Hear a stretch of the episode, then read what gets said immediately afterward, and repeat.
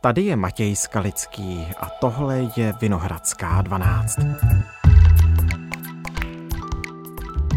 Jak vzniká Vinohradská 12, jak dlouho to trvá, jak se vybírají hosté, jak témata, to všechno probereme s editorkou Kristýnou Vašíčkovou ve speciální silvestrovské epizodě. Posluchači nám poslali seznam otázek, vybrala jsem ty nejčastější, tak jdeme na to.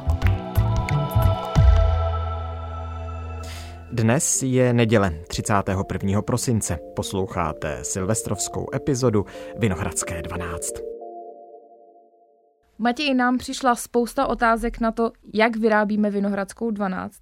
Tak pojďme něco prozradit takhle ke konci roku a říct o tom víc. A můžeš začít rovnou tím, jestli nám někdy někdo, nějaký host, odřekl rozhovor last minute. Já se na to nespomínám, ale naopak vím, že my hosty trápíme na poslední chvíli a uháníme je na poslední chvíli. No já si taky nepamatuju, že by nám někdo z minuty na minutu řekl, že něco s námi točit nechce. Jako určitě nás hosté odmítli, že třeba nechtěli tu danou věc zrovna v tu chvíli komentovat, eh, doporučovali nám potom často své kolegy, své kolegyně a tak podobně. Eh, není to rozhodně tak, že první host, kterému zavoláme ten daný den, když si usmyslíme, tak nám řekne, jo, přijdu a na 20 minut to s vámi všechno rozeberu. Takhle to nefunguje. To sama dobře víš. Ale pak jsou tu hosté, kterým při nějakých urgentních událostech, mimořádných, které vyžadují nějakou zvláštní pozornost, tak jim napíšeme v 10, v 11 večer a oni souhlasí, že ještě v noci nebo, nebo třeba hned ráno to s námi natočí a to je vždycky obrovská pomoc v informování veřejnosti. My jsme za to vždycky hrozně moc rádi. Takže eh, k té otázce last minute nám asi nikdo nikdy nic neodřekl, ale last minute naopak nám spousta hostů to pozvání přijala. Já si pamatuju, že třeba s Petrem Kolářem, který je dnes poradcem Petra Pavla a od nového roku, tak jak jsem se dočetl, tak už jim nebude, respektive nebude mít na to smlouvu, protože ji nebude prodlužovat. Tak eh, jsme při úmrtí Medlin Albrightové natáčeli snad někdy o půlnoci. Eh, když byl ukrajinský prezident Volodymyr Zelenský v Praze, tak jsme s Viktorem Daňkem, který tehdy byl u nás hradním zpravodajem, dnes hmm. už v Českém rozhlasu nepracuje, tak jsme spolu točili asi v půl jedné ráno. No a pak tu byla ta tragická střelba na Filozofické fakultě Univerzity Karlovy před Vánoci, kdy my jsme ještě ve čtvrtek odpoledne ten díl dělat úplně nechtěli, totiž v tu chvíli nebylo úplně jasné, co přesně se na Fildě děje. My jsme neměli žádné ucelené informace, abychom mohli na 20 minut vytvořit díl, kde by bylo tak nějak jako všechno, tak jsme čekali, vyčkávali a teprve, když začaly přicházet informace o tom, že ta střelba je skutečně tragická, že jsou na místě mrtví a zranění, tak jsme okamžitě začali přemýšlet, tedy komu zavolat, abychom přinesli v první řadě informace o krizové pomoci, což pro nás bylo v tu chvíli skutečně stěžení a nejdůležitější, protože eh, ty rychlé zprávy ty kolovaly ve spravodajství, ve spravodajských médiích po vteřinách. Tam se dělo furt něco, ale my jsme chtěli přinést něco navíc, něco, kde bychom dokázali popsat, kam se mají lidé, kteří byli svědky té střelby, obrátit, kam si zavolat o pomoc. Ten díl byl celý o psychologické pomoci. My jsme volali Štěpánovi Vymětalovi z ministerstva vnitra, psychologovi, který se specializuje na mimořádné události. On byl v tu chvíli na ČT24 a jak když jsem ho viděl, tak jsem si na něj okamžitě vzpomenul. My jsme byli už ve spojení několikrát, i jsme s ním natáčeli jednu epizodu v minulosti, tak jsem mu napsal, on mi hnedka volal zpátky, v tu chvíli jsme za ním poslali přenosové auto, vstupoval pak do publicistiky na radiožurnálu a na Českém rozhlasu Plus a hned potom za nějakou teda hodinu a půl dohromady od toho prvního telefonátu, nebo když jsme si napsali, tak jsme společně natáčeli a to bylo skutečně jako hodně last minute. A protože nám bylo jasné, že eh, tou jedinou epizodou nedokážeme říct úplně všechno, co bychom chtěli eh, k tomu, co se na Filozofické fakultě odehrálo a nechtěli jsme se vůbec věnovat eh, střelci, ale spíš rychlému zásahu integrovaného záchranného systému, tak jsme ještě v noci psali, nebo já jsem psal Martinovi Svozilovi sms on, on je bývalý člen útvaru rychlého nasazení, urny, a psal jsem mu, jestli by nechtěl přijít. Jestli by nechtěl přijít druhý den, že bychom rozebrali celkový zásah policie České republiky, tak jak tam ti policisté prostě vlítli, abychom měli tedy díly o krizové pomoci jednak a pak taky o pomoci záchranářů, policistů a tak dále, aby tam byli ti záchranáři, tak jsem ještě druhý den ráno volal eh, do Motala Tomáši Vymazalovi, který je přednostou tamní eh, kliniky anesteziologie, resuscitace a intenzivní medicíny. A ten taky okamžitě souhlasil, řekl, že mi na pár minut eh, odvypráví, jak to v noci vypadalo a popíše, jak, jak zaktivovali traumaplán v Motole a jak prostě pečovali o zraněné a tak dále. To znamená, abych se vrátil k té otázce, nebyl už příliš dlouhý, last minute nám spíš ti hosté Eh, ty rozhovory potvrzují a my jsme za to teda strašně, strašně moc eh, rádi oceňujeme to, fakt si toho moc vážíme. No a ty jsi to možná eh, teď popsal na té jedné z nejhektičtějších chvílích, to, jak vybíráme hosty. Hmm. Ale to byla i další otázka od posluchačů. Jak je vybíráme? My na to máme docela přísná kritéria. Hmm. Je to kolikrát těžké je najít. A, tak aby se děli do vysílání i na Vinohradskou 12. My si tedy většinou řekneme, co chceme točit a teprve Nejdřív. potom přemýšlíme, nad hostem, jo. koho pozveme. A ještě si u toho tématu přece vždycky říkáme, že by mělo být schrnutelné do nějaké jako základní message, nějakou jednoduchou hmm. větou, aby šlo popsat to, o čem vůbec chceme točit, abychom nehonili moc eh, králíků jako, nebo zajíců. na poli. na poli. Na poli naraz, jo. A, a prostě pak se to i líp prodá tomu hostovi, když mu voláš, že jo, tak je mnohem jednodušší mu říct, chceme točit o tom, jasně a srozumitelně, proč zase zdraží potraviny. A takhle se to mnohem líp jako vysvětlí a on pak třeba i raději bude souhlasit, když bude vidět, co je to jednoznačné sdělení, co se má vysvětlit v tom díle. Po případě třeba doplní i to, o čem je schopný on sám mluvit a jak to posunout dál. Jo, přesně tak. Ať jsou to ty potraviny, nebo třeba hm, proč jsou tunely pod gazou proč eh, Katar hraje zásadní roli při vyjednávání hmm. o propuštění rukojmích eh, ve válce mezi Izraelem a Hamásem a tak dále. No a když si takhle stanovíme to téma jednoznačně a stručně, tak pak teprve hledáme člověka, který by na takovou otázku, na takové téma mohl nejlépe odpovědět, mohl ho nejlépe vysvětlit. A máme, jak už si řekla, několik eh, kritérií a není to sepsaný seznam, ale prostě máme na mysli vždycky několik různých bodů, podle kterých postupujeme, když toho hosta vybíráme. My chceme většinou hosta, nebo z 99% se snažíme o hosta expertního, ne hmm advokáta, protože v žurnalistice existuje takové rozdělení typologie hostů na expertní a advokátní, to znamená na ty, kteří zastupují nějaké stanovisko, kteří ho hájí a kteří jsou třeba přímo aktéři nějakého toho dění spravodajského a pak hosty expertní. To je ta druhá skupina, ze kterých my se snažíme právě čerpat nejvíce, protože u těch advokátních hostů eh, ti jsou vhodní na konfrontační rozhovory do pořadu jako 20 minut radiožurnálu, pro a proti a podobně a ty pak konfrontujete, ptáte se jich prostě, proč zastávají to a to dané stanovisko. A my se snažíme brát ty experty, kteří dokáží mluvit o různých názorových hlediscích, hlavně přidat nějaký kontext, souvislosti k tomu tématu, o kterém se chceme bavit, dokážou tu událost nahlídnout jako zevnějšku, mají, mají rozhled, dokážou mluvit o různých aspektech toho problému. A e, z toho důvodu my i často rádi bereme novináře, i naše hmm. rozhlasové novináře, abychom tak mohli prodat uh, tu novinářům Českého rozhlasu na jiných platformách, na kterých se třeba vyskytují posluchači, kteří normálně si uh, radiožurnál plus a tak dále nezapnou v rádiu. No a uh, to jsou tedy jednak hosti teda novináři, pak jsou to hosti z vysokých škol, různí experti z různých organizací, ústavů a tak podobně. A pak teprve, když už teda projdou tímto sítem ti daní konkrétní jedinci, tak se jim snažíme dovolat nebo dopsat.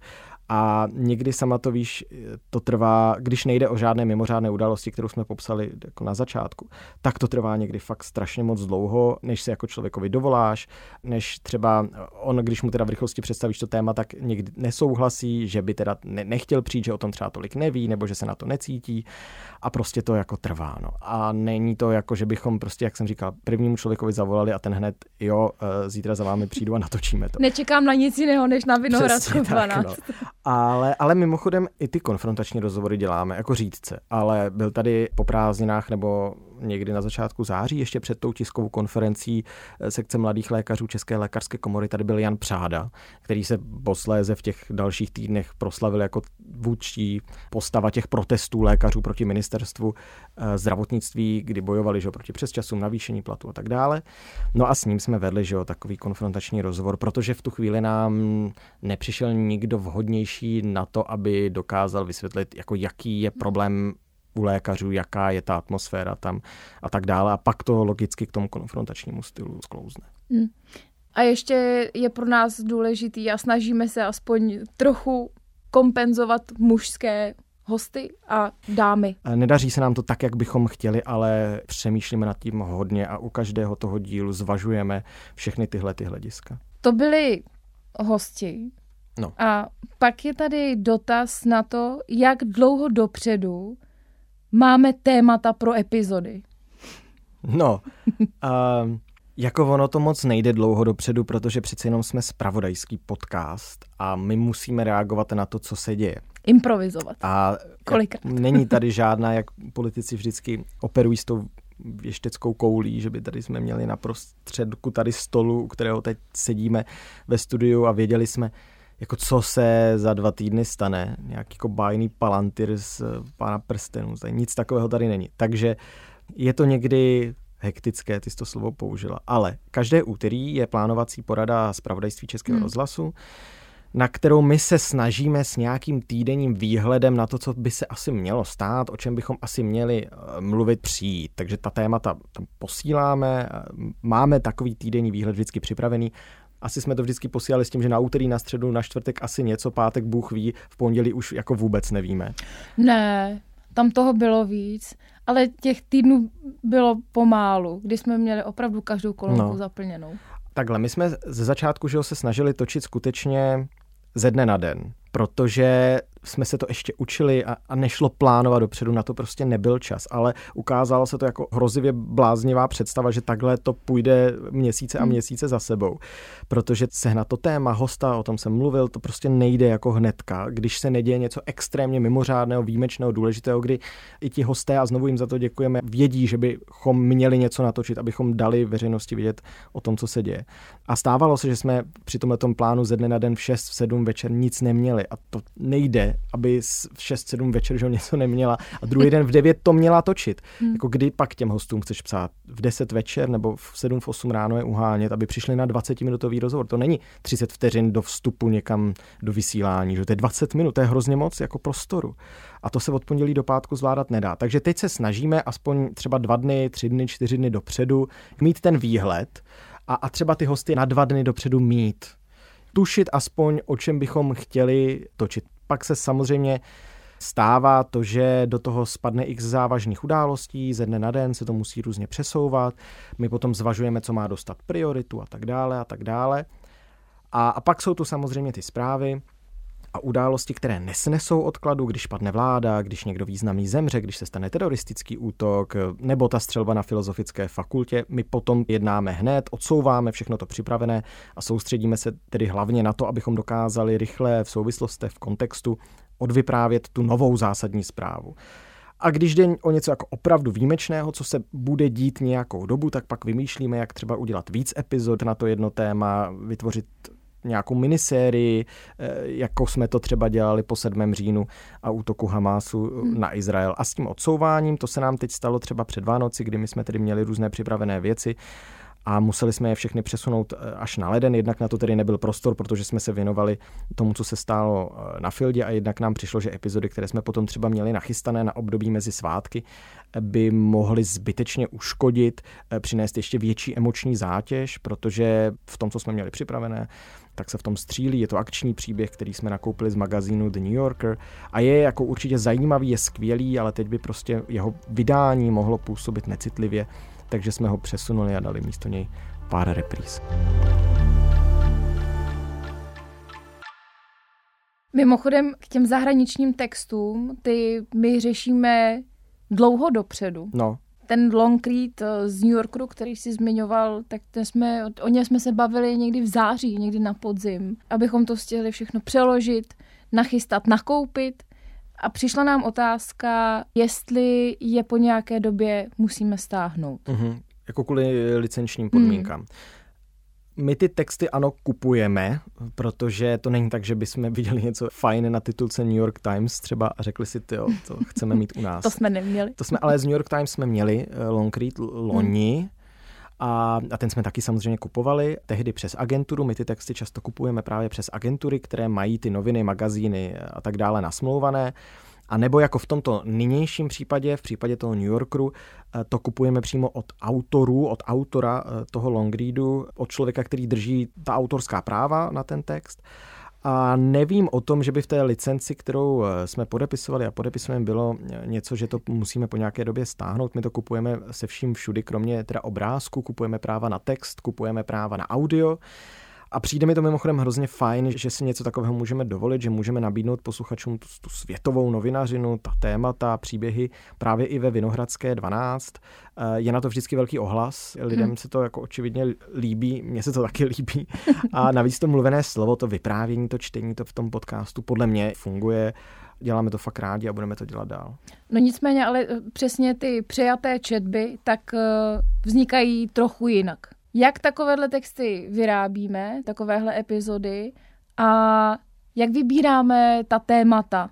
To bychom tu taky mohli říct. No určitě. My u těch textů, my jsme dřív chtěli dávat aktuální témata, i, i v těch textech nakoupených ze zahraničí, nebo jako stále chceme, ale když vytváříme nějakou velkou příběhovou sérii z nakoupených textů, kdy to vyprávíme na pokračování na několik dní, tak jdeme po velkých příbězích, po velkých událostech, po spravodajsky významném dění. A to byl třeba případ ztraceného letu MH370, to je i případ toho long readu, který nabídneme teďka v lednu, pokud se tedy nebude dít něco, kvůli čemu bychom to ještě posouvali dál. A ještě k těm tématům, ty se ptala jenom na ty speciální texty nebo i na normální dny? I na normální dny. No, Eh, tak tam my samozřejmě sledujeme to, co se prostě děje, čteme zprávy domácí, zahraničí, čteme zpravodajské agentury, tam není asi nic objevného, co bychom dělali. Navíc, sledujeme to, co se děje na sociálních sítích, sledujeme plány Českého rozhlasu na příští dny, to kvůli tomu, když třeba naši redaktoři připravují nějaké vlastní velké téma, které by stálo za to potom odvyprávět i u nás. A máme k tomu samozřejmě i porady. Každý den, kdy se v tom týmu eh, tady sejdeme, ne teda v těch 20 lidech, eh, kteří jsou součástí Vinohradské 12, ale v tom eh, čtyř, pěti členem týmu, který se tady jako každý den schází a prostě se o tom bavíme, o tom, co by šlo udělat, jak udělat, komu se zavolá, co se vyrobí. A určitě se to snažíme vykombinovat nějakým způsobem tak, abychom zase domácí, zahraniční dělali tak nějak na půl. Eh, když je kulturní nebo sportovní téma, neděláme je tak často, Myslím, že bychom je mohli dělat častěji, ale my se snažíme vždycky u nich najít přesah sociologický, politologický, něco, co přesahuje to dané odvětví, protože třeba na sport, na, na ten existuje x dalších specializovaných podcastů a tam my nechceme suplovat tu roli, kterou mají různé debatní kroužky o fotbale a podobně. A dělají to určitě skvěle, ale my se snažíme v tom najít um, trošku něco víc, ten přesah už, už zmiňovaný, ale děláme je taky. A vůbec ten výběr témat je podle mě naprosto stěžejní. My se určitě snažíme taky obsáhnout témata, která jsou blížší naší mladší věkové skupině, prostě těch lidí, kteří nás poslouchají, protože ten věkový průměr publika Vinohradské 12, ten je určitě nižší než u spravodajských stanic Českého rozhlasu. My se i kvůli tomu hodně věnujeme psychologii, duševním onemocněním, moderním technologiím, ale ano, bavíme se tu velmi často o politice, s komentátory, zleva zprava to rozebíráme, zvlášť ta domácí je hrozně vděčné téma a důležité a je super, že to můžeme řešit. A u zahraničí je potom naprosto stěžení to, že můžeme využívat tu rozsáhlou síť zahraničních zpravodajů, které v Českém rozhlase máme. Hmm. Um, to je vždycky hrozně velká pomoc při hledání témat, při hledání hostů a tak. Když se něco stane na Blízkém východě, máme tam ještě pána Macháčka když se stane něco na Ukrajině, máme tam řadu zvláštních zpravodajů, kteří se tam střídají, kteří tam rotují a pak je tam ten náš stálý Martin Dorazín a tak dále a tak dále. Nebo Ondřej Soukup. Ondřej Soukup, eh, který ale není na Ukrajině, ten je tady a komentuje tak. Eh, to, co se děje v Rusku a taky na Ukrajině a tak dále. Před ním to byla Ivanka Milenkovičová, hmm. naše zpravodajka v Moskvě, která pak eh, po invazi Putinově na Ukrajinu musela zpátky a dnes dělá v OSN. Když už eh, jsme u témat, Další dotaz zní, jestli se na nich domluváme s ostatními podcasty. Že bychom si volali a, a rozebírali to. Protože kdyby jsme to dělali, tak se nám zřejmě nestane, že stejný den máme všichni stejná témata. Což se stává občas, samozřejmě. Um, no, jako kdybychom to dělali, jako že bychom si založili nějakou radu zpravodajských podcastů, já myslím, že by to určitě nebylo na škodu. Nicméně nedomlouváme se, že bychom si každý týden volali a říkali si pondělí, úterý, středa budeš dělat ty tohle a já čtvrtek, pátek, abychom se nestřetli. To se neděje a důkaz toho, že se to neděje, je ten, že se prostě občas střetneme ve smyslu toho, že vydáme stejnou epizodu. A čistě proto, protože to přijde tomu danému podcastovému týmu jako důležitý a prostě o tom chce mluvit, tak eh, to mi dává jako smysl. My si ale občas zavoláme s některými, protože se známe a, bavíme se. A samozřejmě v tu chvíli v tom hovoru nebo v, při těch zprávách, co si píšem, jako padne dotaz i na to, hele, a co chystáš. Ale je to jako ojedinělé.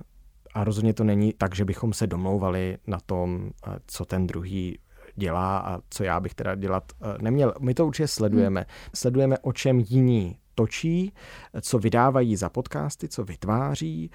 A když to není nějaká důležitá událost, tak my si i mnohdy, a to, to sama víš, řekneme, oni už to měli, my hmm. nemůžeme to nabídnout z jiného pohledu, nebo nevíme, jak jinak to udělat tak prostě uděláme jinou zprávu, jinou událost a snažíme se jít třeba jinou cestou. Ne vždycky to jde, ne vždycky to chceme, ale není to tak, že bychom byli jako úplní ignoranti a když by to udělali jiní, že bychom si řekli v tu chvíli, eh, tak my taky.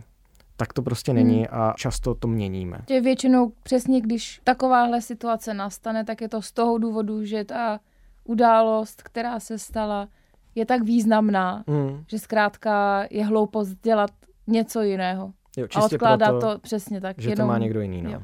Jo, no určitě, protože zase, co by si z toho vzali ti, my jako nemám iluze, že by se ta publika neprotínala těch dalších hmm. podcastů s tím naším.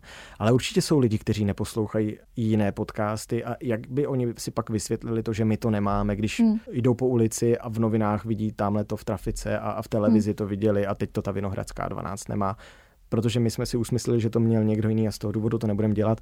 To ne, to je jako blbost. Ještě se vrátím k hostům, ale zahraničním, protože myslím, že se nás někdo ptal na to, jak takovéhle rozhovory vůbec vznikají, když ti lidé nemůžou sedět tady u nás ve studiu a jsou na dálku ze zahraničí. Tak my máme několik možností, že jo, voláme přes eh, různé aplikace. Přes kodeky? Přes kodeky, ano. No, to se využívá tady i na spravodajství, zařízení přenosové. Úplně jsem na něj zapomněla. Ono se napojí na internet a přes něj se spojíš s vysíláním, takže ten zvuk je čistý.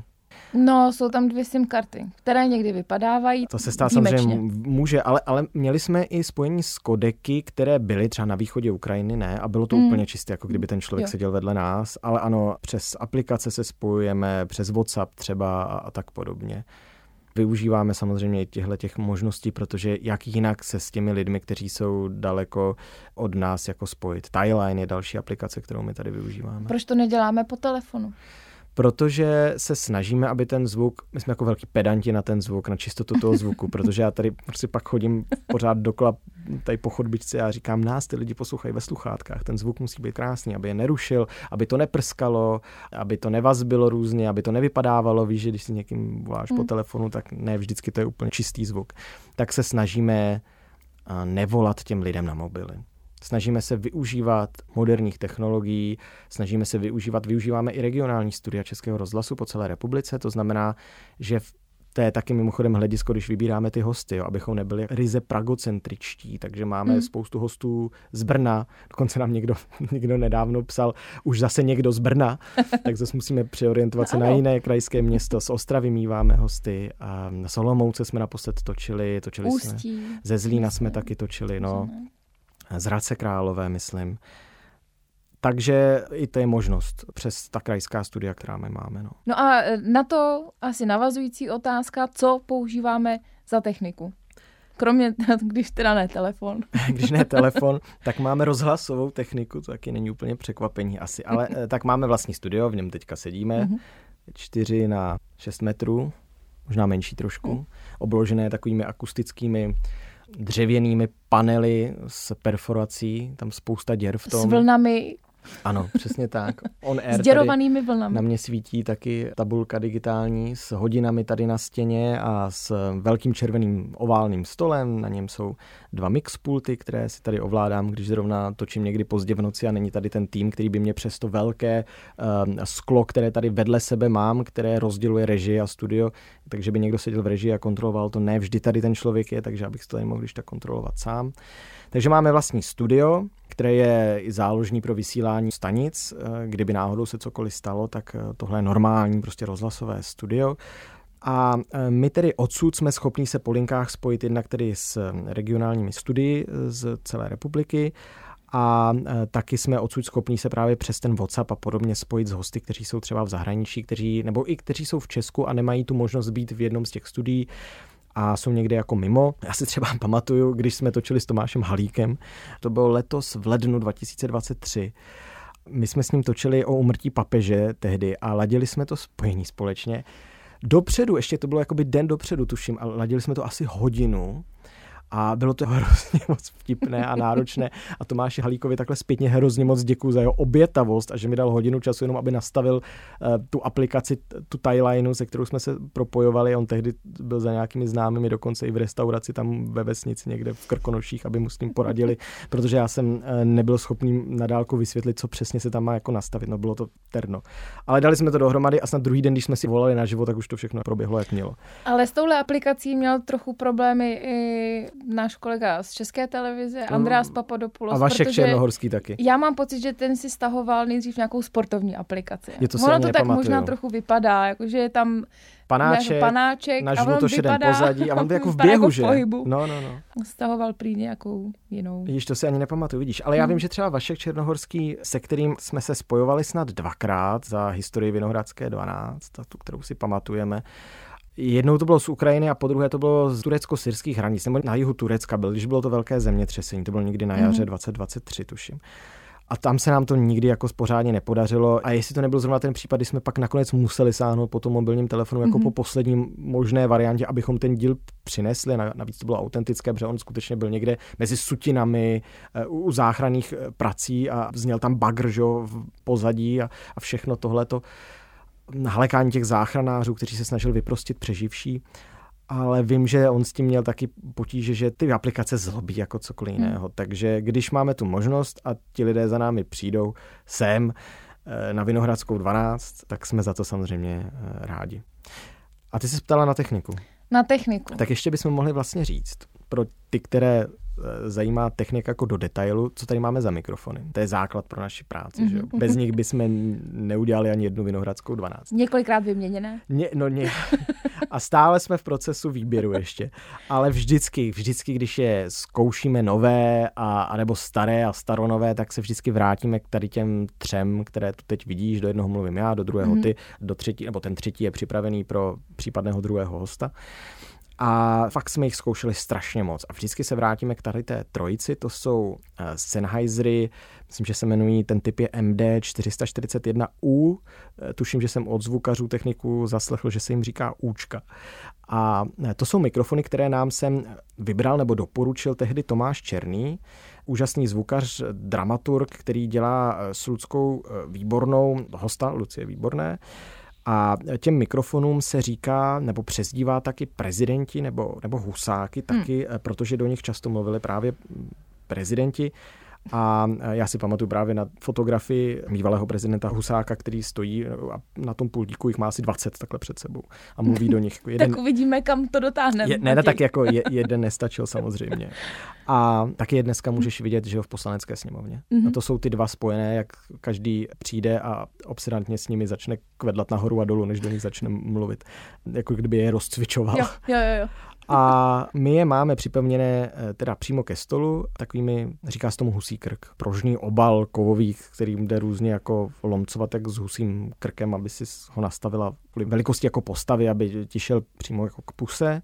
A máme na nich eh, takové molitany tři, kterým se říká v tom rozhlasovém prostředí vinčusy, eh, kvůli různým přefukům na tvrdých pozivních hláskách, písmenkách, jako je B, P, protože když mluvíš moc blízka a dáváš tom tom B, t, tak to prostě jako se přefukuje a kvůli tomu taky eh, vždycky instruujeme ty hosty, jak do nich mají mluvit a že to není tak, že jenom přijdou a, a něco odříkají, ale že to rozhlasové prostředí a ta technika má svoje pro a proti a má svoje pravidla, eh, se kterými do toho vstupuješ a které musíš respektovat, aby to jako hezky eh, znělo. My jsme k tomu kupovali taky pop filtry, to používají zpěváci, třeba to je na ten mikrofon eh, před něj si dáš takovou síčku a ta by taky Taká měla... ta kulatá. Jo, jo, taková ta černá, taky děrovaná, mm-hmm. perforovaná, ta by měla chytat ty písmenka taky, ale uh, pak to z toho tady různě padalo a jsme se na to vykašlali a zůstali jsme u těch uh, molitanů, které se používají nejčastěji na diktafony venku v rušném mm-hmm. uh, prostředí. Třeba když chceš venku a, a fouká tam vítr, tak uh, aby ti to odstínilo a dokázalo to vzít ten zvuk tak, jak jako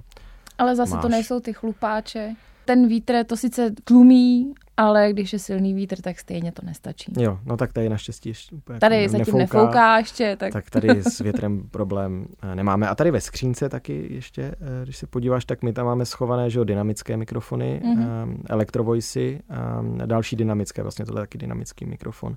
Ty se používají pak ty elektrovoicy taky ve vysílání. Já si myslím, že je mají na radiožurnálu, mají je určitě na Waveu a taky tu máme ještě AKG 414, to jsou naopak kondenzátorové mikrofony, jsou mnohem citlivější, mají jako lepší zisk, jsou hlasitější, čistější, ale taky mnohem citlivější, což je důvod, proč je eh, nepoužíváme, protože berou všechny možné mlaskance a pískance a, a já nevím, co všechno je pak strašná práce s čištěním toho zvuku v postprodukci, aby to jako hezky hezky znělo. Čím se teda dostávám k té postprodukci, to je poslední mm-hmm. věc, my natáčíme do dvou programů. Ten hlavní, do kterého točíme je Reaper, záložní je Dalet.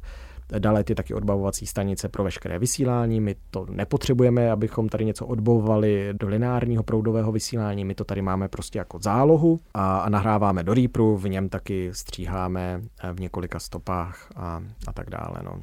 Když uh, už si nakousl postprodukci je tu dotaz na to, jak moc do záznamu stříháme.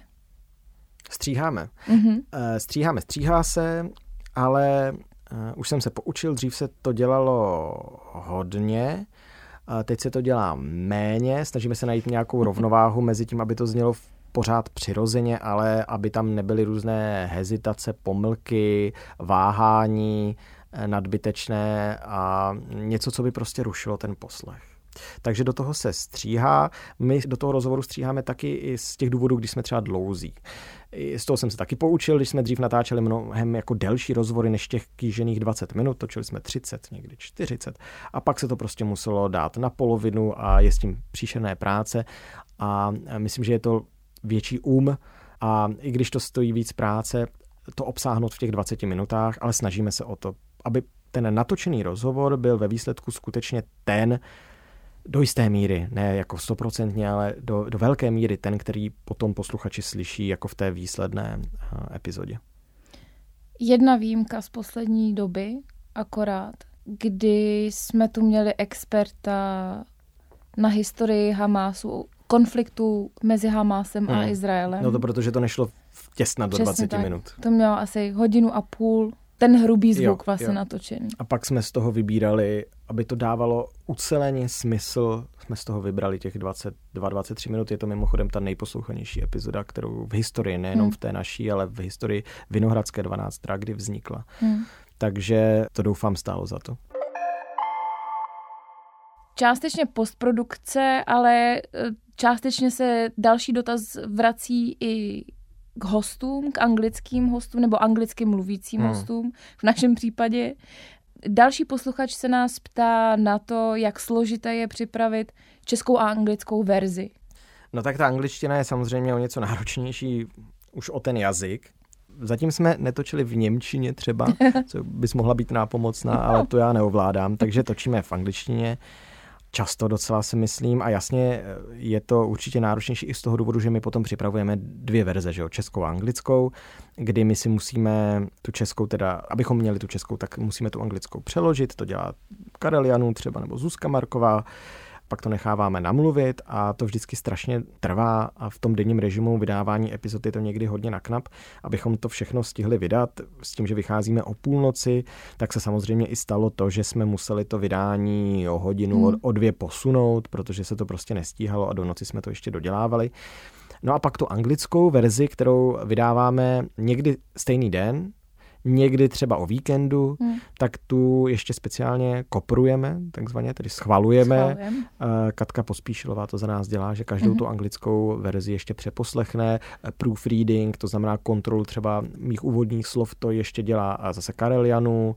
Teď nám pomáhalo i Mezinárodní oddělení Českého rozhlasu, kdy my jsme jeden z těch dílů posílali do Evropské vysílací unie, takže se tomu dělal i anglický přepis, normálně hmm. v angličtině na web tak eh, to dělala, myslím, Tereza Jonášová z mezinárodního oddělení, takže těch lidí potom zapojených do jedné té epizody je mnohem víc, když vydáváme českou i anglickou. A myslím, že by o tom mohli popovídat i zvukaři. Jo, já jsem si na ně teďka vzpomněl. Jak protáčejí panenky, když zjistí, že máme cizojazyčný díl nebo díl s dubbingem. No, protože ten dubbing do toho dávat je těžký. Aby to znělo jako hezky, aby eh, si dokázala třeba provázat tu angličtinu s tou češtinou hmm. ve stejnou chvíli, kdy ty dva lidi mluví úplně jinou rychlostí, tak to je fakt náročný, si myslím, pro ně. No.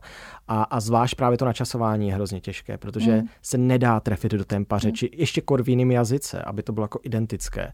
Takže mnohdy ta čeština je mnohem delší než ta angličtina, takže pak se to zkracuje, nebo se ta angličtina pod tou češtinou se jí dělají takové malé, malé mezírky nepoznatelné, aby se trošku natáhla, mm. aby to jako kompozičně celku v komplexu dávalo smysl. No. A, a zvukaři na tom trpí, jo. nejsou rádi, když to musí dělat. Pak jsou rádi, když to vyjde a je dobrý feedback. Když jsme, výsledek je dobrý. Samozřejmě jsme rádi, když to jako vyjde hezky, to, ale je, je s tím práce. Asi se dostáváme k části, na kterou se těším nejvíc v dotazech. No. A to jsou menší fuck upy. Že se nám děli nějak, ale uh, jako, Jestli, ano, jestli, se nám, jestli se nám nějaké děli jako že bychom měli nějaké problémy nebo nějaké průšvihy. Mm. Já ti nevím, jestli se, jako jednou se nám nepodařilo natočit rozhovor. Tady Ta jedna třetina. Polovina Kristýna no, byla dobře. celá polovina rozhovoru. To bylo, ne, to bylo příšerné. Ne, já myslela jedna třetina natočena. To byla, jo, takhle, ano. To bylo někdy koncem roku 2022, kdy jsem měl volit nový primátor Prahy, pan Svoboda. Aha, tak to myslíš jinou epizodu, výborně. Já myslela epizodu, kdy padla slovenská vláda. No to je ten stejný den. Protože my jsme celý den Aha. tehdy, jestli si pamatuješ, já nevím, jestli jsi tady byla, možná ne ten den, Nebyla. ale my jsme celý den čekali na to, než, se, než bude ano. zvolen nový primátor Prahy. Ale mm-hmm. potom ty jsi totiž mm-hmm. podle mě byla na tom magistrátu. Ne, ne, ne. Já jsem byla vedle v redakci, protože byl vánoční večírek. Jo, no a to s tím souvisí totiž. Takže ano. my jsme celý den čekali na to, až bude zvolen nový primátor Prahy. K tomu nedošlo, ale oni se rozhodli, že to odloží až, to bylo prosinec, mm. a oni se rozhodli, že to odloží do února, ale až někdy, až někdy v 6 večer nebo mm. v 5 večer. Mm. A my jsme měli sedm hodin do vydání, třeba jako pár hodin. A my neměli jsme téma, hosta, neměli jsme vůbec nic. A už byl večer, už v tu chvíli už normálně jdeme domů. Že?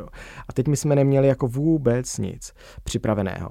A s chodou okolností díky za to, tak padla na Slovensku vláda v tu hmm. chvíli. Hmm. A Slovensko, a je mi to teda hrozně líto, že to tady teď říkám, ale nás často zachraňuje v momentech, kdy se opravdu nic neděje, nebo se něco jako skazí, nebo nemáme nic připravené, tak na tom Slovensku se každý den něco děje a každý den by to vydalo na jako hodinový podcast.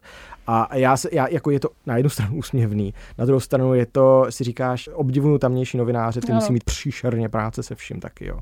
A my jsme ten den se teda nakonec ještě večer spojili s Láďou Novákem, naším zpravodajem v Bratislavě. A volali jsme si někdy v 8-9 večer s tím, že teda natočíme půlhodinovou epizodu o tom, že na Slovensku padla vláda aktuální. Budeme ještě k tomu super aktuální, že to hmm. ten večer jsme ještě pracovali a zvládli jsme to udělat, aby to o půlnoci vyšlo. A byl ten den vánoční večírek, eh, já nevím, z pravodajství nebo radiožurnálu nebo někoho. A já jsem tady kolegům tomu týmu, který tady jako vždycky mám, tak jsem řekl, jdeme to natočit a oni se tam šli podívat. A tím pádem v té režii, tady za tím proskleným sklem, nikdo nebyl, aby to mohl kontrolovat. A já od té doby, tamhle to můžeš vidět, otáčím si už obrazovku ano. monitoru, abych viděl, že skutečně natáčíme. Ten den to otočené nebylo, ten monitor. Mm. A v polovině toho rozhovoru se to vyplo. Ano. Prostě to úplně skolabovalo. No a teď bylo kolik? Devět večer. Mm. Byly tři hodiny do vydání.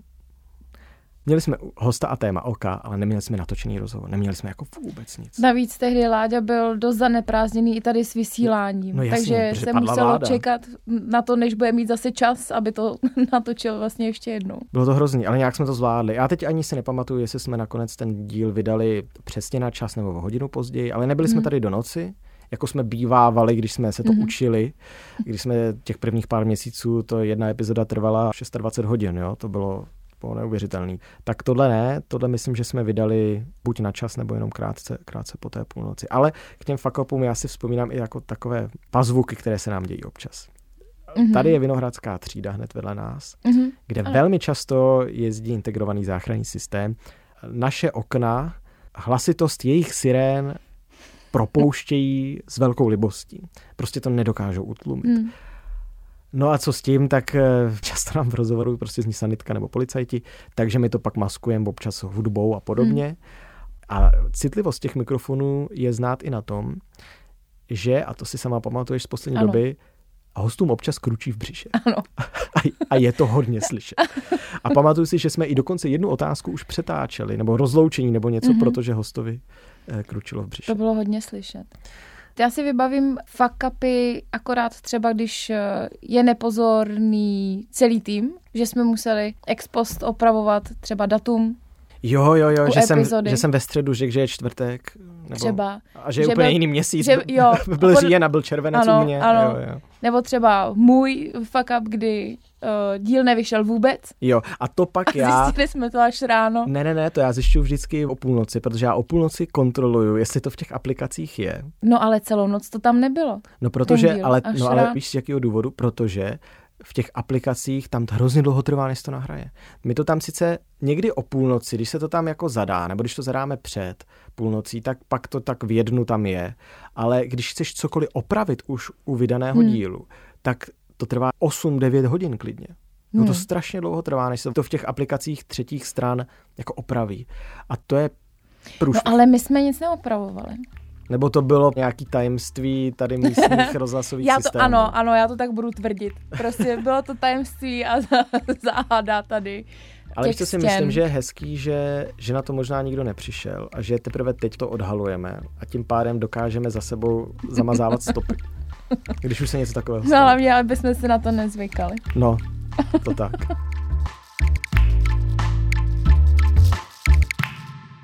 Kdo tvoří produkční zázemí? Kdo je produkční?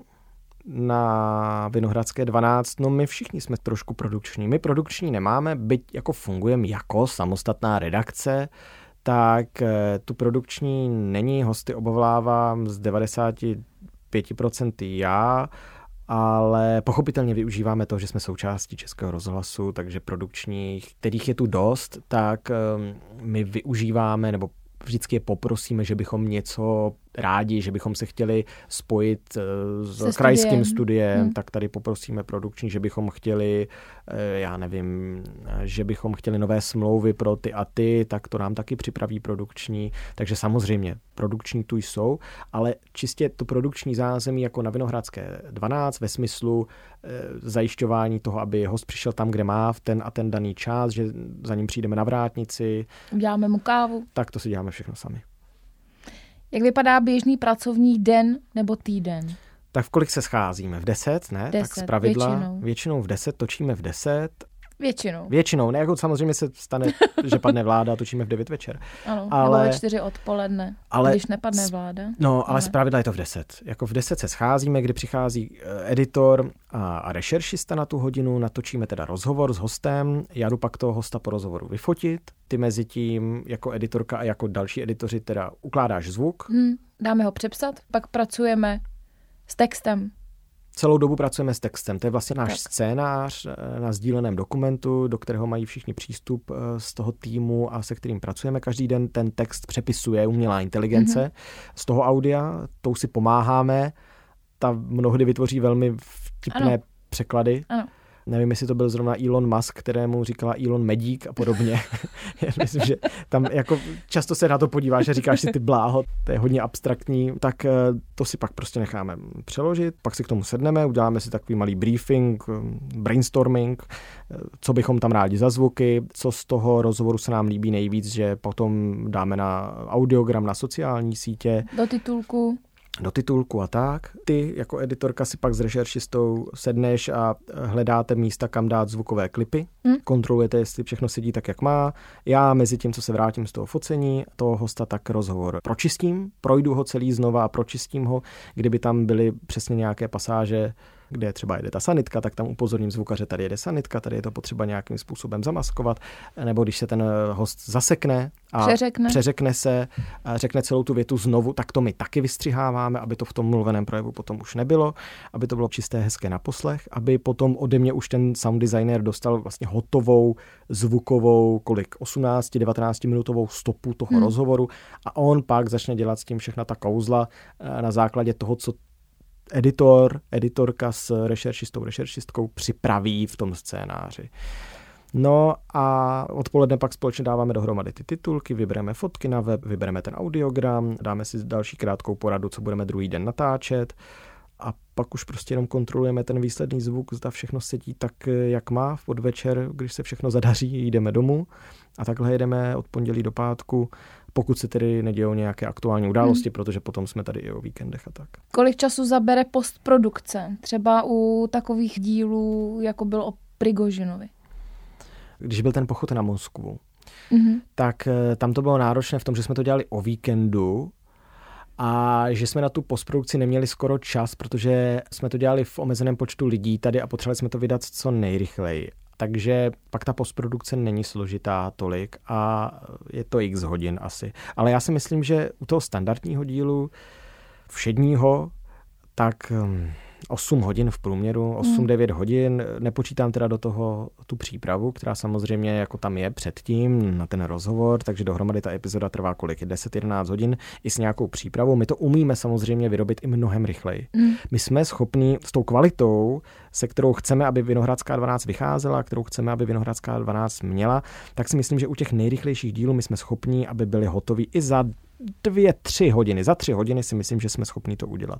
To bychom ale hnali. Tři hodiny jako extrém, si myslím. Protože to jsou ty díly, když už je to pozdě v noci, nebo je víkend, ten, jako třeba když byl ten Prigožin. A nebo to když byl určitě taky o víkendu. Útok Hamásu to bylo 7. 7. října, října, byla sobota a my hmm. jsme to tady, už ten den jsme vlastně si to připravovali a 8. jsme se sešli, abychom udělali, jo. Tak přesně A to tak. jsme vlastně vydávali dva díly. Jo, Jeden ještě v tu neděli, Jeden eh, speciál. den, kdy přišli teroristé z Hamásu, nebo den, kdy přišli teroristé z Gazy. Z Gazy. A pak ten následující, to byla na analýza pondělí. s hmm. Irenou Kalhousovou z Herzlova Centra izraelských studií na Univerzitě Karlově a to bylo na pondělí, takže jsme vlastně ten den udělali dva díly a ten, co byl připravený zpátka na pondělí, jsme odsunuli dál. Hmm. No, to je třeba ten případ té mimořádné události. No, ale pak jsou tu epizody, které trvají násobně déle, i s přípravou, i s tou postprodukcí. Případ Třeba mašíni. Mašíni, ponorka, případ hmm. té ponorky v Atlantiku, která implodovala. Titan. Eh, Titan, vlastně v ní byla ta výprava, která se vydávala hmm. za troskami Titaniku. Nebo když jsme dělali eh, díl o nenávisti směřované na politiky. A pak jsme jim psali žádosti, aby se vyjádřili, aby nám to zaslali tak s tím byla velká práce, nebo třeba přes časy lékaři, to jsme tady mm-hmm. to už taky to téma vyzdvihli, tak my jsme prosili eh, lékaře a zdravotníky, aby se nám vyjádřili, jak to mají oni s přesčasy a anonymizovali jsme ty výpovědi, takže jsme potom postprodukčně jim upravovali i hlas. A s tím je taky samozřejmě potom práce, ale mm. naši zvukaři to umí skvěle, takže a nebo pak, když jsou ty překládané příběhy a texty ze zahraničí, to děláme mnohdy x týdnů. Ty si sama připomněla, že poprvé jsme se o Vánocích letošního roku bavili už v září. No. Hmm. No a pak uh, tu byl ten speciální díl mašínu. Jo, to jsme chtěli odvyprávět, jak vypadal útěk před 70 lety v roce 1953 eh, právě skupiny bratří Mašínu eh, do východního Německa. Mm-hmm. A to si myslím, že byl teda jako náš nejnáročnější díl, co jsme tady kdy dělali, protože my jsme k tomu museli načíst kvantum materiálu. Natočili jsme potom rozhovor s historikem Michalem Stehlíkem kde jsme využili ty pasáže z toho rozhovoru do scénáře, který byl vyprávěný. Jo. Hmm. My jsme prolnuli natočený rozhovor s mými slovy ve vyprávění. A to celé vyprávění, ty jsi musela, že jo, ty jsi to dělala ten díl, ty jsi mm-hmm. musela celý projít, zeditovat, najít v tom chyby, bílá místa, která musí být ještě dovysvětlena a tak dále. A, a teprve potom jsme byli schopni vybrat místa, kam jako vložíme nějaké klipy zvukové, které hledala rešeršista Ondřej Franta. Ten pátral po zvucích a pak e, zvukařka Damiana Smetanová, která k tomu vytvořila na míru jako ten totálně skvělý hudebně zvukový doprovod toho vyprávění, tak e, ta na tom dělala x desítek hodin potom ještě, jo. Hmm. takže to ani nespočtu, já si myslím, že jsem tam dával nějaký orientační odhad kolem jako 60 až 80 třeba hodin na tu epizodu, neuvěřitelně Hrozný. náročná záležitost a to bych neměl zapomenout, že my jsme udělali literární drama, jsme si to tak pojmenovali, hmm. podcastové literární jako drama, nebo dramatizace literární, takhle spíš. A my jsme vlastně skombinovali historické, ukázkové, ilustrativní a novodobé zvuky mm. v tom hudebním doprovodu, kdy my jsme si některé ty zvuky i natáčeli sami. Ano. Třeba útěk lesem. Ano. Byl natočený utíkala tebou. Jsem, utíkala, utíkala jsem lesem. po lese. No. A vím, že když jsem na té cestě do lesa, tak jsem přijela k mámě domů a tam jsem na zahradě našla bedínku s bahnem. No. A já jsem úplně zajásala, že mám bahno. Protože oni vzala, se teď brodili tam, že v dešti, tak, lesem. Přesně tak, takže jsem vzala klacík. No. A šťourala jsem tam do toho bahna. A teď, jako 21. století, teď člověk musí počkat chvíli, než přiletí letadlo třeba, protože i to tam bylo hrozně slyšet na tom diktafonu. Hmm. Jo, ale takhle se přece nahrává u těch literárních, u těch her, ne literárních, u těch rozhlasových her a dramatizací hmm. se přece nahrávají ty zvuky takhle jo. uměle.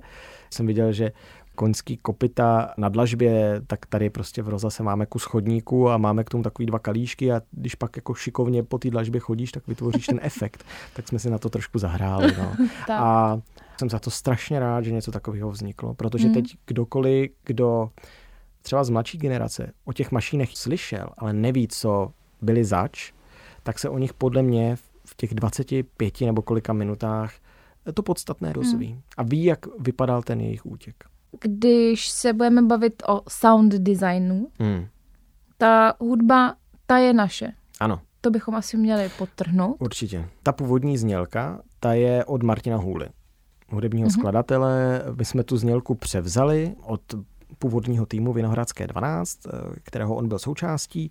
Stejně jako spoustu těch hudebních kousků hudeb, jak tomu říkáme, hudeb, prostě jsme vzali od Martina Hůly, často je využíváme k různým dílům a do toho my si skládáme tu hudbu vlastní. Jarda Pokorný, náš zvukař, složil velkou část. Damiana Smetanová teď skládá další eh, kus hudeb, takže budeme mít další klip, novou sérii. klipy eh, navíc a novou sérii. My si na tom dáváme hodně záležet, protože ta hudba prostě je velkou součástí. Ty hudební kompozice, mozaiky a, a až jako brikoláže, které vytváříme v té Vinohradské 12, tak uh, jsou prostě strašně podstatné. Si myslím pro ten poslech a pro to, co dělá podcast, nativní podcast podcastem. My tou hudbou vyprávíme a ona má velkou narrativní roli. Eh, může být dramatická, může vyvolávat pocity napětí, může být odlehčená, uvolněná, vtipná, dotvářet tak tu atmosféru toho rozhovoru ale nesmí být manipulativní, musí se s ní zacházet velmi obezřetně a my se prostě nechceme, bez urážky ke kolegům z komerčních televizí například, my se prostě nechceme stát podcastovým infotainmentem ve stylu toho, že bychom prostě události podbarvovali hmm. něčím, co se dá nazvat jako manipulativní hudba. To, to dělat jako prostě nechceme. Ale chceme ji využívat a chceme s ní zacházet citlivě. A myslím, že když se to umí, když se ta úroveň, ten balans najde, tak eh, ten zážitek z toho poslechu umí znásobit, což je hrozně fajn a rádi toho využíváme. A jsme velmi pišní na to, že ta hudba eh, je naše. Nebo že buď na ní máme licenci, že jsme ji převzali, a nebo že si ji skutečně sami jako vytváříme. Pokud samozřejmě nejde o ty díly jako o Taylor Swift, kdy používáme prostě samozřejmě její ukázky z její jo, tvorby. které ty ukázky potom citujeme buď v závěru té tak. epizody, anebo odkazujeme na web i rozhlas.cz, kde máme všechny hmm. přepisy těch dílů a kde my i citujeme podrobně jednak všechny ty ukázky zvukové, které v tom díle používáme. Jo, když tam máme premiéra Petra Fialu z ODS, premiéra, který mluví na nějaké tiskovce, tak my uvedeme datum, autora, místo, často i kde jako mluvil, tak to přesně tam odcitované a spolu s tím tam jsou i zdroje typu použili jsme tu a tu píseň od Taylor Swift nebo mhm. od kohokoliv jiného a spolu s rokem vydání té písně pak dáme v seznamu zdrojů na ten web na iRozhlas.cz, kde si to každý může dohledat. Matěj, proč se podcastu říká podcast a ne pořad? No, tak jestli máš další hodinu, tak si, tak si to můžeme tady říct. Ale ten pořad to je prostě pojem, který souvisí s lineárním vysíláním, s tím proudovým, s, ať už s televizním nebo s rozhlasovým. To je to, co si pustíte v tradičním médiu, audiovizuálním. Podcast přes svou teda hodně vágní definici je prostě mediální formát, který se v první řadě nahrává do on-demandu, takzvaně eh, na sítě. On-demand je to jako na přání, na vyžádání, to znamená, ty si to můžeš stáhnout a poslechnout kdykoliv a kdekoliv chceš, bez ohledu na to, kdy to běží v tom proudovém vysílání, protože my samozřejmě běžíme nebo vysílá nás i Český rozhlas plus, ale kdokoliv, kdykoliv chce, si nás může najít a pustit ve všech podcastových aplikacích. A Podcast má svoji vlastní typologii, vlastní klasifikaci, vyznačuje se eh, taky mimo jiné tím, že nemá skoro žádná pravidla, prostě si to každý může dělat, jak chce. Ale jinak se v něm mluví, používají se jiné storytelling prvky, eh, než které se využívají v tom proudovém vysílání, na které my jsme byli eh, zvyklí. To znamená, i ta teorie je obrovská zatím, jak funguje podcast a jak funguje pořad. Podcasty jsou komunitním médiem, podcasty mají velké fanouškovské základny, existuje tam prostě reciprocita novinářská, kdy ti lidé s tebou, a to vidíme na příkladu toho, proč se tady spolu dneska bavíme, protože nám ty lidé poslali otázky, naši hmm. posluchači, a my na ně odpovídáme. My s nimi jsme v kontaktu. My jsme v úplně jiné komunikaci s nimi, než bychom byli, kdybychom dělali rádio, kdybychom dělali pořad. A těch rozdílů je jako x. A já jako jsem docela vždycky nerad, když mi tady, ne nutně v rádiu, ale když slyším, jako vyděláte ten pořad Vinohradská 12, to prostě není pořad. My, kdybychom dělali pořad, tak ho uděláme úplně jinak pro proudový vysílání a pak ho dáme třeba na internet. Mm-hmm. Ale v tu chvíli z toho furt není podcast. Tomu se říká catch-up radio. To je prostě úplně jiný mediální jako formát a druh, kdy třeba buď to můžeš celé vzít z toho vysílání a narvat to na internet, Catch Up Radio, a nebo můžeš vzít ten pořad z toho internetu a dát mu trošku jiný úvod a trošku jiný závěr. Protože v tom proudovém vysílání mnohdy říkáš tak a je teďka 20 hodin a 50 minut a my navážeme v tématu na. Tak to se odstřihne, dá se tomu jiný úvod. I tak se jako přetváří rozhlasové pořady a dávají se na internet. Ale my jsme nativní podcast, my jsme primárně vytvářený pro ten internet. Teprve sekundárně to jde do vysílání. A i v tomhle vidím obrovský rozdíl, proč je podcast podcastem a proč je pořad pořadem. A je to prostě něco úplně jiného. Já neříkám, že to spolu nesouvisí. I podcast mm. vychází z rozhlasových tradic. Většinou je smílá hodně dohromady, mixuje je. To, co funguje v literárním dramatu, to, co funguje eh, v publicistice a ve spravodajství, tak je v rozhlasu oddělené a my to jako všechno semelem. Protože tím se ty podcasty i spravodajské, ono to označení není úplně přesné, ono se i spravodajské podcasty tímhle tím vyznačují, že kombinují ty prvky, vytvářejí něco nového z už zažitého a tím jsou nové. Takže nejsme pořád, jsme podcast. podcast na spravodajské téma, to je moje jako oblíbenější ještě označení. Dobře. Když jsi zmiňoval tu přípravu, kdo vytváří kdo vytváří otázky pro epizody pro Vinohradskou 12? Teď posluchači. ano. A Ježíš, kdyby to tak bylo vždycky. I když já se, já se mnohdy snažím ptát, tak jak by se ptali lidi, hmm. jako nebo tak, jak si ptám já, když nejsem novinář, ale jsem na ulici s kamarádem mm-hmm. a mhm. něco si vyprávíme. A já si řeknu, no ale tak proč to ta vláda udělala takhle? No tak já se na to zeptám takhle. A, a to je mimochodem další rozdíl. Já myslím, že takhle by se nikdo takhle jako laicky, naschvál laicky, mm. by se úplně v tom vysílání jako moderátor neptala. Jo.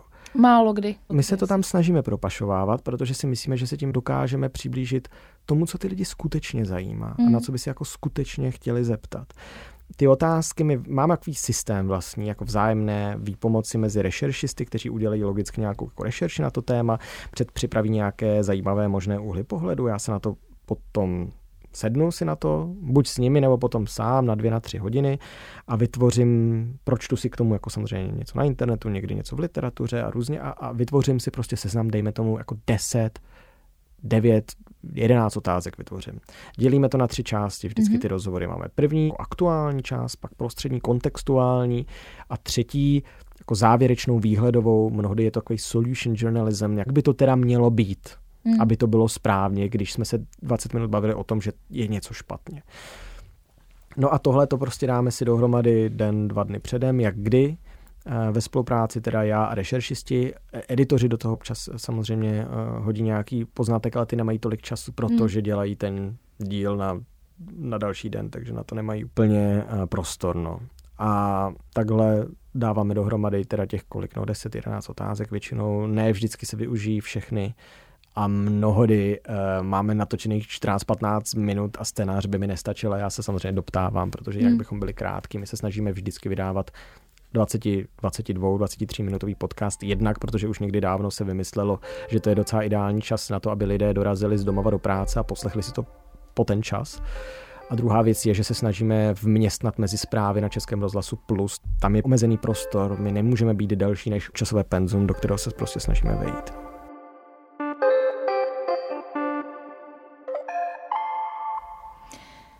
Teď, jestli dovolíš, tak eh, tady mám pár otázek přímo no, na tebe. se těším, povídej. Jak dlouho a jestli vůbec si se rozmýšlel, jestli po Lence Kabrhelové převzít Vinohradskou 12? Dlouho jsem se rozmýšlel, ale já neměl moc času. My jsme to tehdy, to je teda únor 2022, my jsme začali 7. března 2022 eh, s první epizodou, tuším tak um, já jsem to s Lenkou tehdy i konzultoval, protože já jsem měl původně nasměrováno do zahraničí. Mě Filip Nerad někdy na podzim 21 nabídnul, že bych se nechtěl ucházet o místo příštího zpravodaje ve Spojených státech, což teda nakonec dopadlo, že bych se jim měl stát. S tím hmm. jsem žil do února 2022, že ten rok vystřídám eh, Honzu eh, Kalibu, který měl v létě toho roku skončit.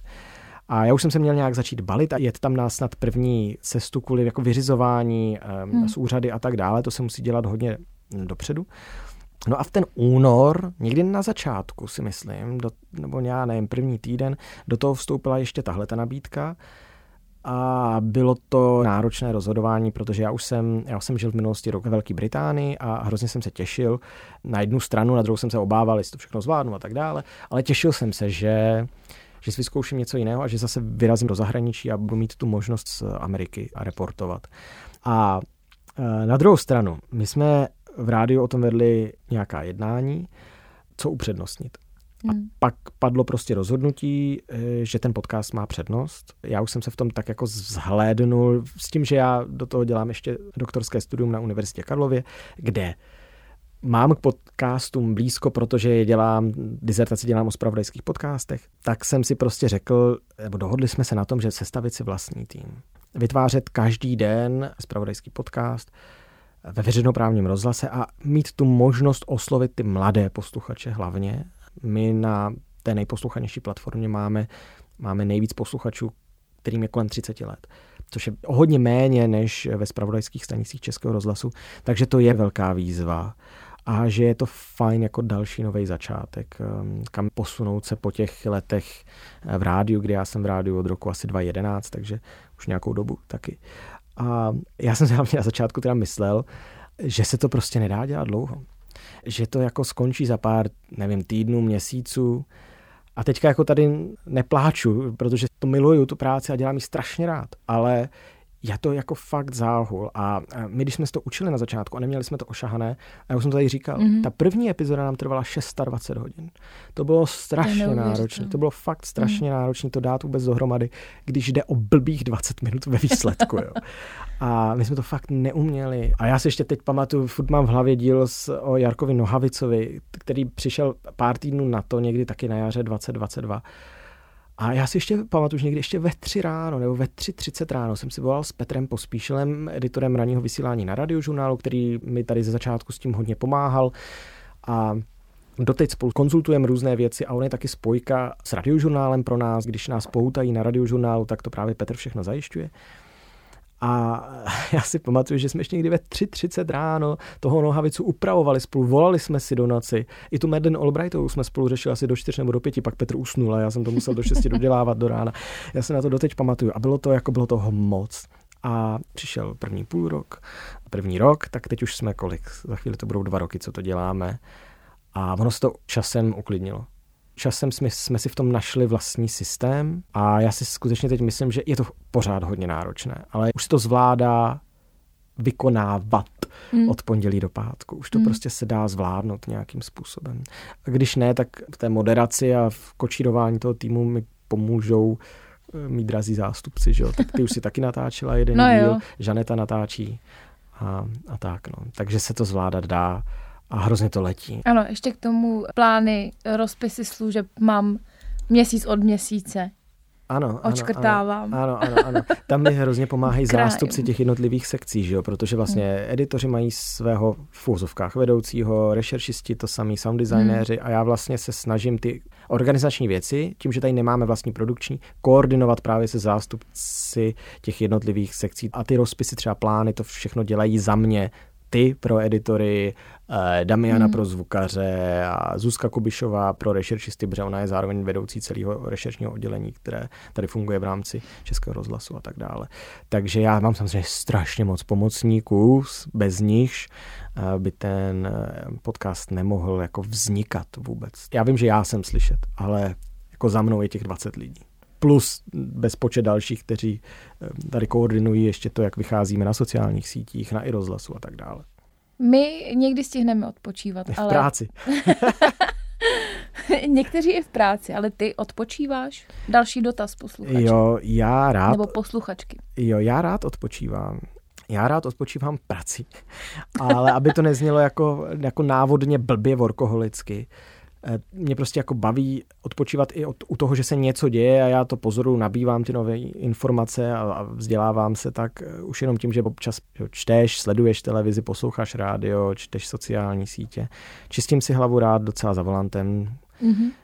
když se projíždím někam na výlet pak si ze mě tady každý dělá srandu, že kolikrát už jsem opravoval auto za poslední ano. půl rok. Teď naposledy jsem byl v automyčce a krásně ho umyli, ale voda mi natekla do světel, to se mi ještě v životě nestalo. Zase tak, špatně. Zase špatně, jo. A pak mám docela rád hry. V mhm. redakci máme rádi hry, tak Žaneta hraje na Playstationu, Damiana, no, taky hraje na, na počítači. Tak to já začnu taky něco tak, hrát. Eh, Pexeso jsme Pexeso to jsme hráli, to jsme dostali od Asociace mezinárodních otázek jako vánoční dárek. Jsme dostali Pexeso. Tak jsme tady hráli, no. myslím, že to jsou Evrops, téma evropské vztahy nebo vztahy Evropanů, ale tam i Joe Biden, tak možná prostě vztahy hmm, z západního světa, světa s hmm. Čínou. Hmm. Takže tam i spoustu zástupců z Čínské lidové republiky, které mnohdy neznáme, to Pexeso ano. tím se stává mnohem složitější. ale je barevné, takže se to dá odhadovat i podle barev. A, na PlayStationu mám teďka hodně oblíbenou hru Uncharted, tak u toho se trošku jako odreagovávám. U školy taky hodně odpočívám. Mm-hmm. No a když jsi mluvil právě o tom, jak to máme našvihané tady hmm. v práci, tak eh, další dotaz je, jak u toho stíháš studovat a kdy odevzdáváš dizertaci. Se to mě si... někdo ptá. Ano, i Ježiš. včetně mě. Eh, já hrozně děkuju za, za tyhle eh, krásné dotazy na tělo. Uh, ne, to skoro zní, jako kdybych měl odevzdávat co nejdřív.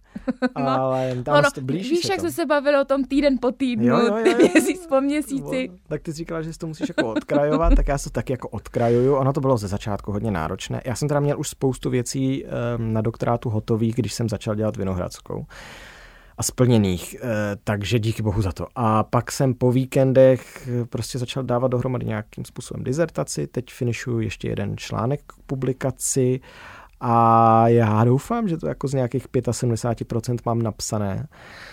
Doufám. A, a samozřejmě mi v tom hodně pomáhá jednak velmi vstřícný eh, postoj mé vedoucí na Fakultě sociálních věd Univerzity Karlovy, jednak eh, velmi vstřícný postoj vás všech, kteří to tady se mnou vytváříte spravodajský podcast a taky hlavně to, teda už jsem to říkal, že dělám tu dizertaci na spravodajské podcasty, takže to téma je jako hmm.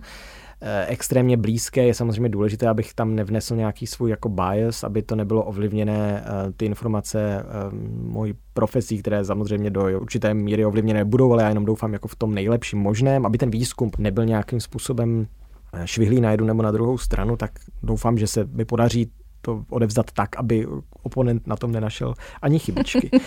Takže se mi tím snoubí to studium, ta práce a pak se to samozřejmě dá mnohem jednodušeji jako zvládat. Já si nedovedu představit, kdybych dělal něco úplně jako odlišného, takže ono to jde ruku v ruce. Ale nějak se to zvládat dá. No a tady ten termín, uh, víš, do kdy to asi musíš stihnout? No já, já jsem ve, já jsem už ve čtvrtém roce. Je to možný, já jsem asi už, já už si myslím, že bych měl příští rok odevzdávat asi. Mám posledních pár měsíců. Ale už mám splněné státní zkoušky. Mm-hmm. Pošli termín, kdy potřebuješ volno. Já si myslím, ano, abys to mohla napsat. Ty jsi před chvílí zmínil slovo vliv. Hmm. Tak eh, co osobní názory tvoje ovlivňují obsah Vinohradské 12? Uh, eh, no nesmí a neměli by. Ale já tady musím říct jednu eh, věc. Já nevěřím v iluzi objektivity, já to slovo hrozně nemám rád. Mm-hmm. Já vím, že se strašně často používá ve spojitosti s médií, ale já si myslím, že ta práce, kterou my jako veřejnoprávní médium děláme, se dá popsat úplně jinak. Mělo by to být nezávislé, nestrané a vyvážené zpravodajství s obrovským, ale obrovským důrazem na hodnoty, na pestrost názoru. My se tu řídíme zákony, řídíme se kodexem, snažíme se ke všem, ke všem dílům, které my vytváříme, přistupovat tak, aby v nich zazněla ta pestrost názoru, aby v nich byly různé úhly pohledu, aby bylo A, ale i B. A, ale abychom u toho všeho dbali i určitých jako etických náležitostí a etických hodnot. Abychom například, jeden bod za všechny, abychom chránili lidská práva. A já si myslím, že tohle hledisko a nejenom při naší profesi, ale i v životě je prostě hrozně důležité. Jakože řiďte se všemi důležitými pravidly, ale prosím, zůstaňte lidmi.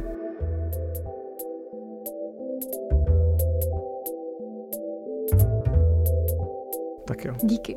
Hele, díky, že jsme to společně dali dohromady. Já děkuji za tvoje odpovědi. Není zač, Kristýno. Díky, že jsi se mě vytrvale ptala. A díky všem posluchačům za všechny jejich otázky.